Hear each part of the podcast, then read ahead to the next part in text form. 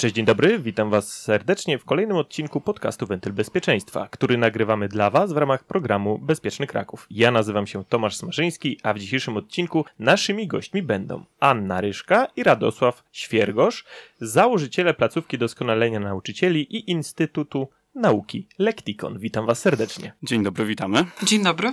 Dzisiejszy odcinek, również tak jak poprzedni, będzie nawiązywał do tematów szkolnych. Myślę, że jest to obecnie temat na czasie, ponieważ no, dopiero co skończyły się wakacje. Natomiast dzisiaj chciałbym, aby nasza rozmowa była bardziej skierowana w kierunku tego, co dzieje się w szkole z punktu widzenia nauczyciela. Jak sobie w ogóle radzić z różnymi problemami, które mogą również się w takiej szkole i w pracy nauczyciela pojawiać. Pytanie do Was, takie pierwsze od razu, czy łatwo jest być nauczycielem w dzisiejszych czasach? No, tak patrząc na to, co się dzieje, to jest to duże wyzwanie, tak się nam wydaje. Natomiast piękny zawód, piękna misja. Chyba najważniejsze w tym zawodzie, żeby nauczyciele czuli, że mają bardzo duży wpływ na to, co robią, jak pracują z uczniami, że mogą robić cudowne rzeczy. No ja myślę sobie, że nauczyciele mają dużo narzędzi do pracy, coraz więcej narzędzi, metod, strategii pracy, ale mają też coraz większe obciążenie związane nie tylko z tą pracą dydaktyczną, ale również wychowawczą. To jest ten kontekst, o którym dzisiaj też będziemy rozmawiać, czyli kontekst wojny, pandemii, kryzysu ekologicznego, czyli generalnie taka presja psychiczna, która bardzo mocno wpływa na i dobrostan ucznia, i dobrostan nauczyciela. Mhm, no bo myślę, że tu zgodnie przyznamy, że te ostatnie lata no, nie były najłatwiejsze, prawda? Zarówno dla uczniów, jak i dla nauczycieli. Natomiast jak waszym zdaniem koła poradziła sobie w tym trudnym czasie? Czy, czy były do tego odpowiednie narzędzia? Jak, jak to oceniacie? No myślę, pandemia jest takim obszarem, który warto byłoby przeanalizować. Jeśli idzie o taką zmianę kompetencji, poczucie kompetencji nauczycieli, to y, nauczyciele i szkoła zdali ten egzamin wzorowo. Znaczy, opanowali bardzo dużo takich nowoczesnych narzędzi, które pomogły im pracować zdalnie, hybrydowo, ale też stacjonarnie, wykorzystując chociażby smartfony w procesie dydaktycznym. Więc na poziomie kompetencji szkoła zdała ten egzamin naprawdę bardzo dobrze. Mam dodać, tak. to znaczy tak, myślę sobie, że to był bardzo duży przeskok. Tak jak rozmawialiśmy, to wprowadzenie tych wszystkich zmian w szkole normalnie zajęłoby pewnie kilkanaście lat. Mhm. Nauczyciele zdali ten egzamin, tak jak ty powiedziałeś, wzorowo, bo w ciągu roku, czy tam półtora roku udało się im wprowadzić rzeczy, które naprawdę no, zajmowały bardzo dużo czasu i, i wymagały wielu poświęceń i pozyskania nowej wiedzy, która do tej pory no, była czymś takim niedostępnym Wydawało nam się, że to jest niemożliwe, natomiast udało się, jest. Uczniowie pracują mhm. zdalnie. Myślę sobie, że też widzimy, że z tego czasu można wiele dobrych rzeczy wykorzystać. Że ten okres pandemii pokazał, że na przykład zdalne nauczanie, taka forma przekazu wiedzy może być bardzo przydatna w szkole.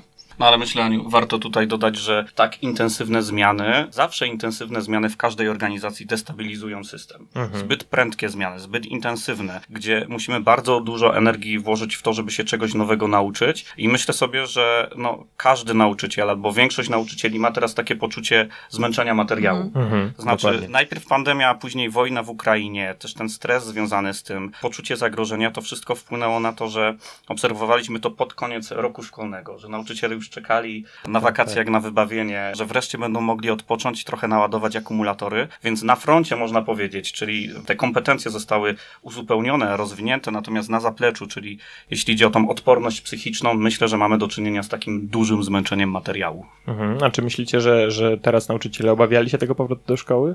Jak to będzie? Bardziej niż w poprzednich latach? Czy no, to było dla nich trudniejsze? Spotykamy się z nauczycielami od 20 sierpnia gdzieś.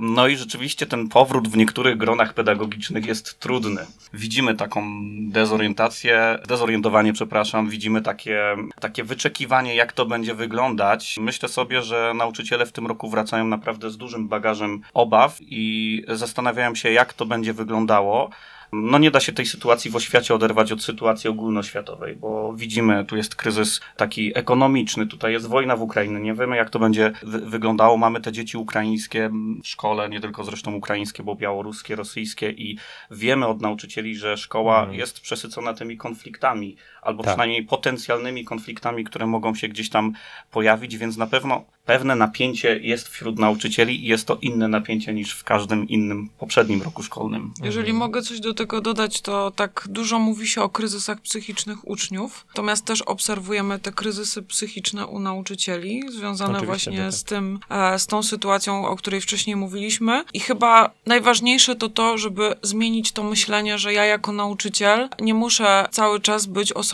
która pokazuje, ja wszystko potrafię, ja wszystko mogę, że czasami warto się przyznać do tego, że ja też mam gorszy czas. Wydaje mi się, że brakuje tego zaopiekowania się sobą nawzajem. Takiego podejścia do siebie też z taką troską i zastanowieniem się, jak ja mogę zadbać o siebie. To jest bardzo ważne i myślę, że nauczyciele w tym roku obawiają się, co jeszcze nam zostanie dołożone. Tych obowiązków jest naprawdę bardzo dużo, więc ważne, żeby sobie to mądrze układać, żeby znaleźć też taką odskocznię, w której ja mogę się realizować jeszcze w innych dziedzinach e, i, i mam takie poczucie, że mogę więcej. A jak w takim razie powiedzcie mi waszym zdaniem, no bo tutaj to, to, to pokazanie, że jednak nauczyciel faktycznie no, no jest człowiekiem i też odczuwa i przeżywa różnego rodzaju problemy. Natomiast w jaki sposób może dzisiaj w oczach młodzieży zbudować autorytet? Tak, No właśnie, właśnie wydaje nam się, że to jest bardzo dobry pomysł, żeby też budować ten autorytet na zasadzie takiej autentyczności, że ja w pracy z uczniami, kiedy rozmawiam z nimi, tworzę taką bezpieczną przestrzeń w klasie do tego, słuchajcie, ja dzisiaj mam gorszy dzień,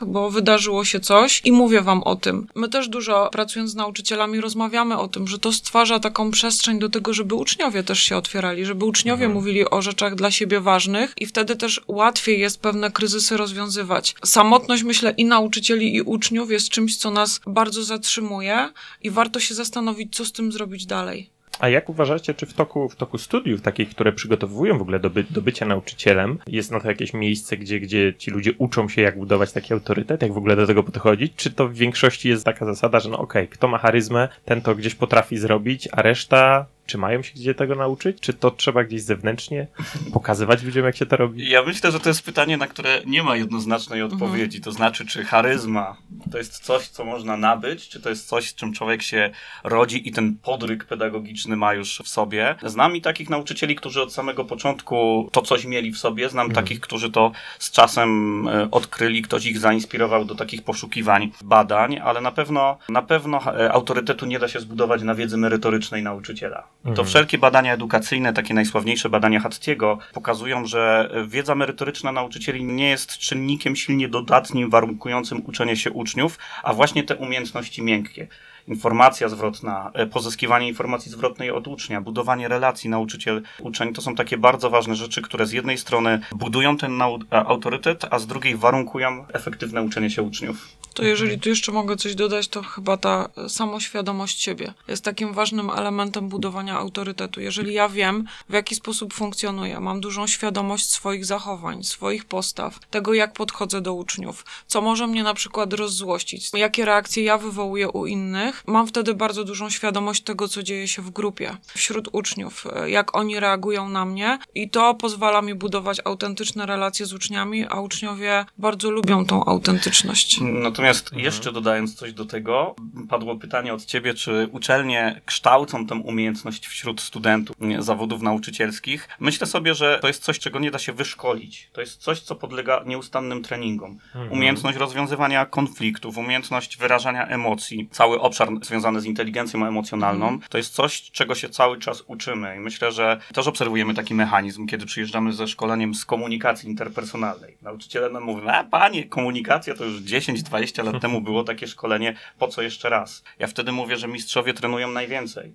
Jeśli chcemy być dobrzy w tej komunikacji, a przecież życie cały czas przynosi sytuacje, na które nie mamy odpowiedzi, nie mamy gotowych rozwiązań, to właśnie ważne jest to, abyśmy cały czas tę komunikację trenowali i do tego nauczycieli zachęcamy, więc nie odpowiadając wprost na pytanie, czy uczelnie to dają, myślę, że to daje nieustanna praktyka i podnoszenie swoich kompetencji. Ale też coraz więcej o tym mówi się, jeżeli chodzi o sposób kształcenia nauczycieli, wprowadza się zmiany i też byliśmy gdzieś proszeni chyba w, w to było w Jarosławiu, prawda? O takie właśnie wnioski, co można by było w uczelniach jeszcze wprowadzać w kierunkach pedagogicznych, o co warto zadbać, co będzie takim elementem właśnie bardziej świadomego samego sposobu nauczania, więc dużo dobrych rzeczy dzieje się chyba w tym kierunku. Tak się nam wydaje z tego, co Mhm. obserwujemy wśród różnych uczelni. Ponieważ jako Instytut Nauki Lektikon wy się zajmujecie właśnie takim przygotowaniem, takim mentoringiem i takimi szkoleniami, ale też chciałbym, żebyście rozwinęli temat interwencji w kryzysie, czyli takiego nowego programu, którego rozumiem, że jesteście również współtwórcami.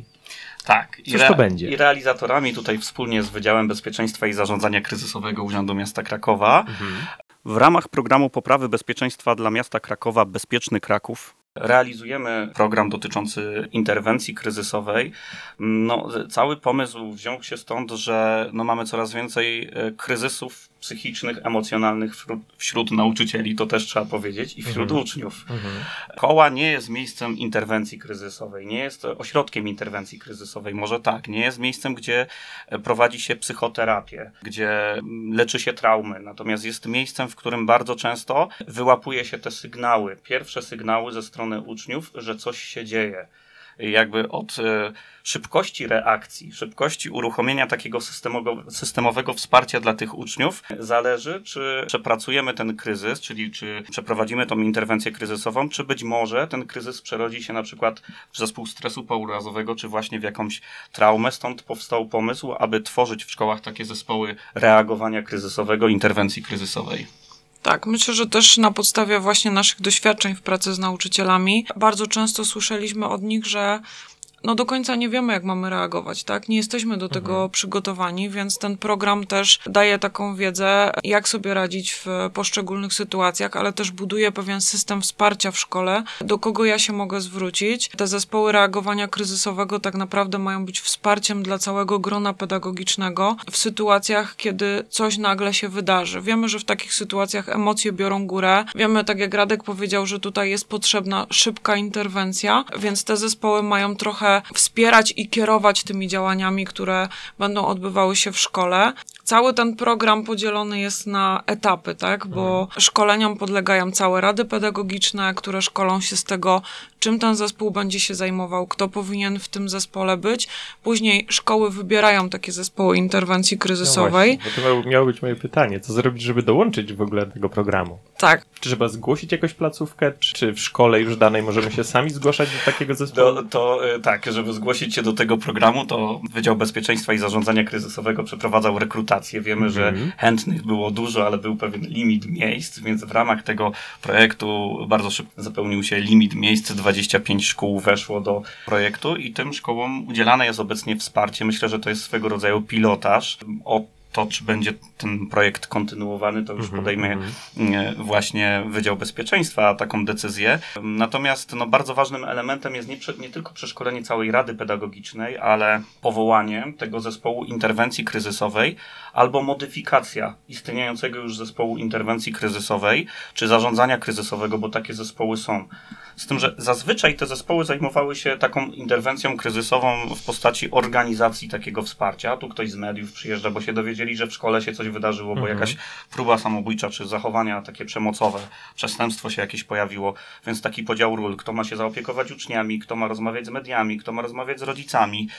Tutaj chodzi o coś innego. Chodzi o to, żeby zaplanować takie systemowe wsparcie, które uwzględnia zarówno nauczycieli specjalistów, pedagog, psycholog, wychowawca, ale również nauczycieli przed- przedmiotowych. Bo czasami na tej lekcji przedmiotowej, gdzie ja z tą klasą jestem raz w tygodniu jedną godzinę, wtedy wydarzy się coś takiego, co może mnie zaniepokoić. Jeśli nie uruchomię tej uważności, jeśli ja też no, nie będę miał takiej gotowości, a nawet wiedzy, że to jest coś, co może świadczyć o samookaleczaniu, to może świadczyć o kryzysie, ja tego nigdzie nie zgłoszę. W końcu ja tam jestem tylko godzinę. Pewnie jak się dzieje coś z tym uczniem, to wychowawca to zaobserwuje i on tu zadziała. Mhm. Warto dodać, że to szkolenie nie jest jednorazowe, tak? Że to jest takie systemowe wsparcie i oprócz tych szkoleń, o których powiedzieliśmy już wcześniej, czyli szko- szkoleń rad pedagogicznych, później już odbywają się szkolenia, które obejmują sam zespół interwencji kryzysowej. No i ten zespół właśnie przede wszystkim przepracowuje pewne rzeczy związane z kryzysami, czym one się objawiają, jak właśnie można podjąć taką szybką pomoc w takich sytuacjach, jak rozmawiać z uczniami, więc są przygotowywani do tego, żeby później jakby troszkę kierować tymi wszystkimi działaniami w szkole i wspierać innych, którzy na przykład znajdą się w trudnej sytuacji. No tu warto dodać, że kryzys nie jest tak zwanym wydarzeniem krytycznym. Wydarzenie krytyczne to taka sytuacja, która niesie traumatyczny charakter. jedna osoba reaguje na to kryzysem, inna nie. Więc trudno stwierdzić, kto jak zareaguje. Wiemy, że sam wiek adolescencji, dojrzewanie wpływa, tak? Czy jest y, czynnikiem ryzyka warunkującym kryzys, ale każdy z nas reaguje inaczej. Dlatego zwykłe, prozaiczne sytuacje, nie tylko pandemia, wojna w Ukrainie, nie tylko kryzys ekologiczny, śmierć kogoś bliskiego w rodzinie, ale na przykład to, że ktoś moje zdjęcie wrzucił do internetu, gdzie wyglądam śmiesznie i cała szkoła się ze mnie śmieje, No to tak, może to warunkować mój problemy kryzys. I realne. tutaj Właśnie, uruchamianie tego systemu wsparcia powoduje, że takie sytuacje wyłapujemy bardzo szybko i koła staje się takim miejscem pierwszej pomocy psychologiczno-psychologicznej, byśmy powiedzieli, dla tych uczniów w kryzysie. Mhm. No to cóż, słuchajcie, ja w takim razie trzymam kciuki, żeby była to pierwsza edycja i za nią kolejne i kolejne, żeby się udało wprowadzić to no, we wszystkich placówkach w naszym mieście. Dziękuję Wam bardzo za spotkanie, dziękuję Wam za rozmowę. Naszymi gośćmi była Anna Ryszka i Radosław Świergosz. Dziękujemy Pozdrawiamy bardzo. i życzymy wszystkim nauczycielom dobrego, owocnego roku szkolnego. I do usłyszenia w kolejnym do usłyszenia. odcinku. Do usłyszenia. Thank